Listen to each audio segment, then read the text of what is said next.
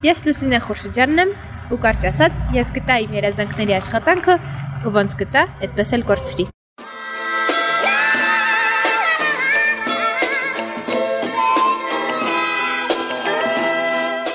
Որքան էլ անհասկանալի թվա, բայց այս պատմությունը ես ստիպված եմ պատմել վերջից եւ հենց դրանում է դժվարությունը, որովհետեւ եթե չլինի վերջը, չի լինի նաեւ սկիզբը եւ ինչ իմաստ ունի սկսել մի բան, որը վերջ չի ունենալու։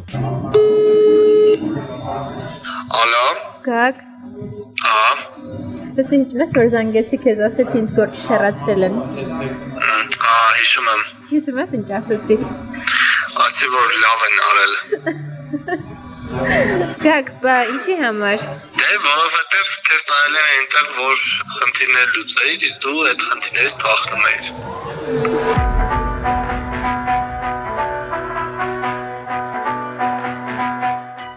Լուսինեն 20 տարեկանում հասկացավ, որ պետք է մի այնպիսի աշխատանք, որն իրեն թույլ կտա գնալ իր սիրելի արշավներին։ Տնից աշխատել, ժամանակը կառավարել այնպես, ինչպես իրեն է հարմար, Սարի գագաթին նստած համակարգչով գործ անել, կարճ ասած, երազանքի աշխատանք ունենալ եւ օֆիսային տարածք ոդկ չդնել։ Իմ կյանքս ես մի հատ չտեղավ։ Ընկերներս ինձ ծանոթացնում են մի մարդու հետ, որը ապրում է Ամերիկայում ու ինձ աշխատանք առաջարկում, որը շատ իմ սրտով էր ու իմ էությանը համապատասխան։ Լուսինա իսկ չէր վախենում, օրինակ ինքը Ամերիկայում ապրում ու քեզ առաջարկում է լավ աշխատանք, ու քեզ համար օրինակ տարօրինակ չէ, որ դու վերջապես գտել ես քո սրտի աշխատանք ու ինքը կա։ Այսինքն այդտեղ ինչ-որ տենց կասկածելի բան չկար։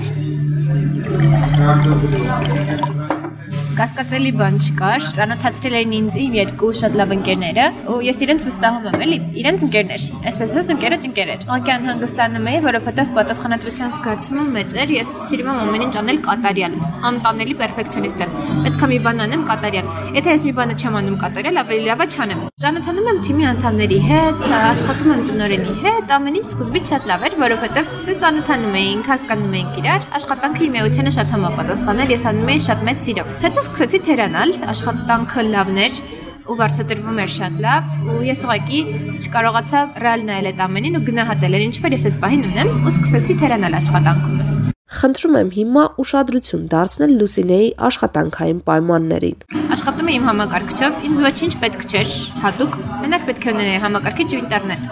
Դա ինձ թույլ էր տալիս ճամփորդել, քանի որ ես ճամփորդել սիրում եմ, գնալ արշավների ու զուգահեռ աշխատել։ Քանի որ այդ արտոնությունը ես ունեի, սկսեցի շատ-շատ գնալ արշավների, թափառել, այսպես ասած, թափառում էի աչուձախ։ Հիմա ուշադրություն դարձրեք նրան, թե ինչպես է Լուսինեն պահել իր աշխատանքը։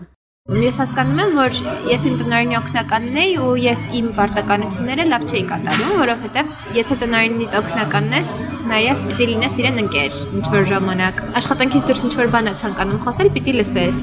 Ընկեր լինես, էլի ընկերը ոնց է լինում։ Ես ընկեր չէի, ես ավելի շատ ուզում եմ մենակ աշխատել, իմ աշխատանքը անել, խորանում եմ աշխատանքի վրա։ Եթե ինտեգրվում ես թիմի մեջ, դի ամեն ինչ միասին անեք։ Դա է հաջողակ աշխատող լինելու գրավականը դա է։ Եթե մի թիմում 4 հոգի նստած անեկդոտ են պատմում, դու պետքա լինես 5-րդը, որ այդ անեկդոտը պատմում է։ Իսկ ես այն 5-րդն եմ, որ անեկդոտների արանքում ասում էր կներեք էլի մի հատ բան հարցնեմ, ես Excel-ի այս հատվածում որ կա, ես ինձ անդադ ինչ որ աշխատանքից մեջբերումներ էի անում։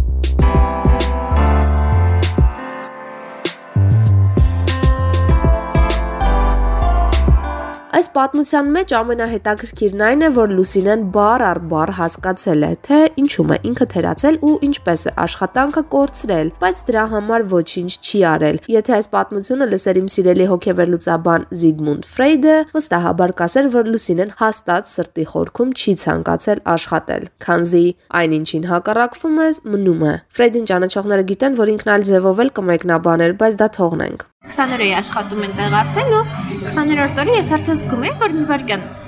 իրանք արդեն թիմ են ձևավորվել, իսկ ես թիմից դուրս եմ մնացել, որովհետև այդ քննարկումներին ես իրաց չէի մասնակցում։ Երբ որ ժողով էր լինում, ես ժողովներին չէի գնում, ես առանձին առավոտները զանգում էի իմ տնօրենին, տնօրենից հետ առանձին քոլ էի անում, աշխատանքից խոսում էի ու հետո գնում էի նորից աշխատելու։ Միասնական ընդհանուր քոլերին ես չէի մասնակցում։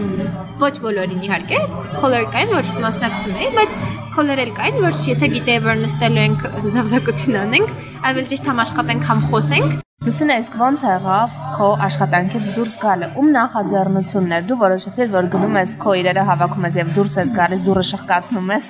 մարդկանց դեպքին, թե քեզ կանչեցին ու շատ գեղեցիկ ձևով ասացին Լուսինե ջան, դու մեզ հարմար չես։ Նախաձեռնությունը եղել է իմ տնօրենին, իրականում ես էլ իրեն ասացի, ասեցի, եթե ես լինեի գործատու, ես նույն կերպ կվարվեի, բայց մյուս կողմից մտածում եմ, որ նաև ինչ որտեղ հնարավոր է չվարվեի այդպես։ 15-20 օրում ամբողջապես ինտեգրվել ես չկարողացա թիմի մեջ, աշխատանքների մեջ, չնայած որ աշխատանքի բնույթը արդեն հասկացել էի ու parzեր արդեն ինչպես պետքա դա արվի։ Երբեմն ինչ որ սխալներ էի անում աշխատանքի մեջ, դա էլ նրանից էր, որ երևի թե ժողովներին չէի մասնակցում ու 100% անած թեմայի մեջ չէ, էլի, այսպես ասած։ Տնորենս զանգեց ինձ, դրանից մի օր առաջ պայմանավորվում ենք, որ աշխատելու նոր մեթոդ կորոշենք, նոր մոտեցումներով եւ այլն, թարմ։ Ու միանում ենք զանգին ու տնորենս ինձ ասում է, որ չի ուզում ինձ շատ կոտրի, որովհետեւ աշխատելու համար ես պետքա գիշերները շատ արթուն մնայի, երևի մինչև 3-3 3-ից պետքա արթուն մնայի, իսկ ժամը 12-ից հետո արդեն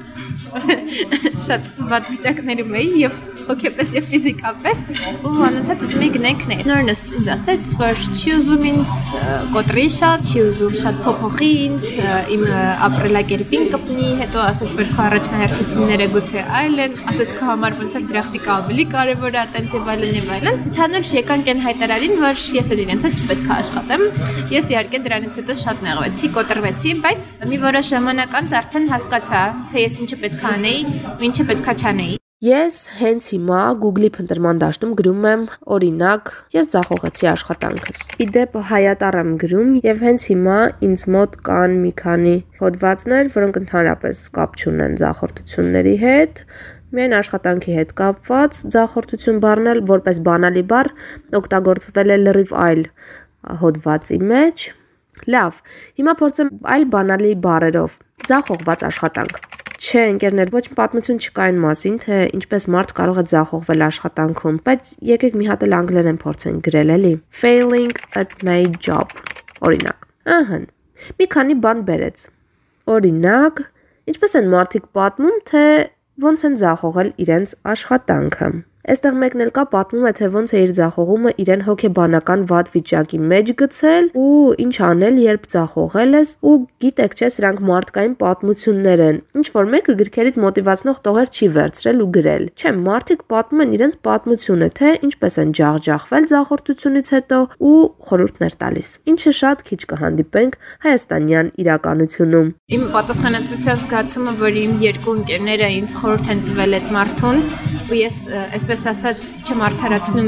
իրենց խորհուրդ տվածը։ Եթե միայն ես լինեի այս պատմության մեջ, հնարավոր է մի փոքր ավելի քիչ նեղվեմ, որովհետև բոլորս էլ սխալներ անում ենք, բոլորս էլ թերանում ենք, մեր սխալների վրա ենք ճիշտը սովորում։ Մտածում էի, ինչ մա կմտածի այս մարդը հիմա իրենք ինձ այնպես էին ներկայացրել, որ ասում էին շատ լավ կադր է, ամեն ինչից գաղափար ունի, գլուխ հանում, կարում է արագ ասավարում եւ այլն, ու ես գնում եմ ու իմ աշխատանքը թերի եմ անում։ Լինում է կյանքում,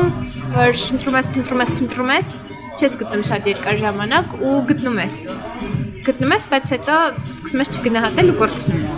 Այսինքն Լուսինե կարող ենք ասել, որ դու գտար լավը, բայց չգնահատեցիր եւ կորցրիր։ Այո, գտա լավը, չաշխատեցի ինչպես որ պետք է աշխատեի ու կորցրի։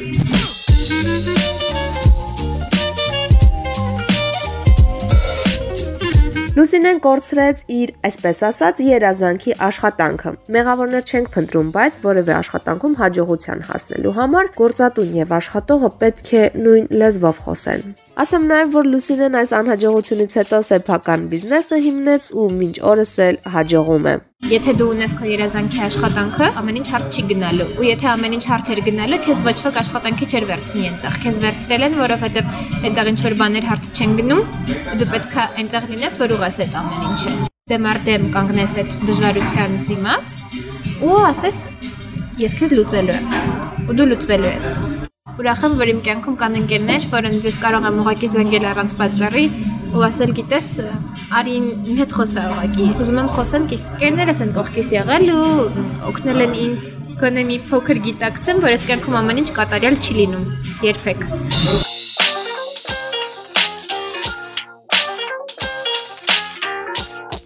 Մենք կհանդիպենք մյուս շաբաթ ավելի թարմ ձախորդություններով։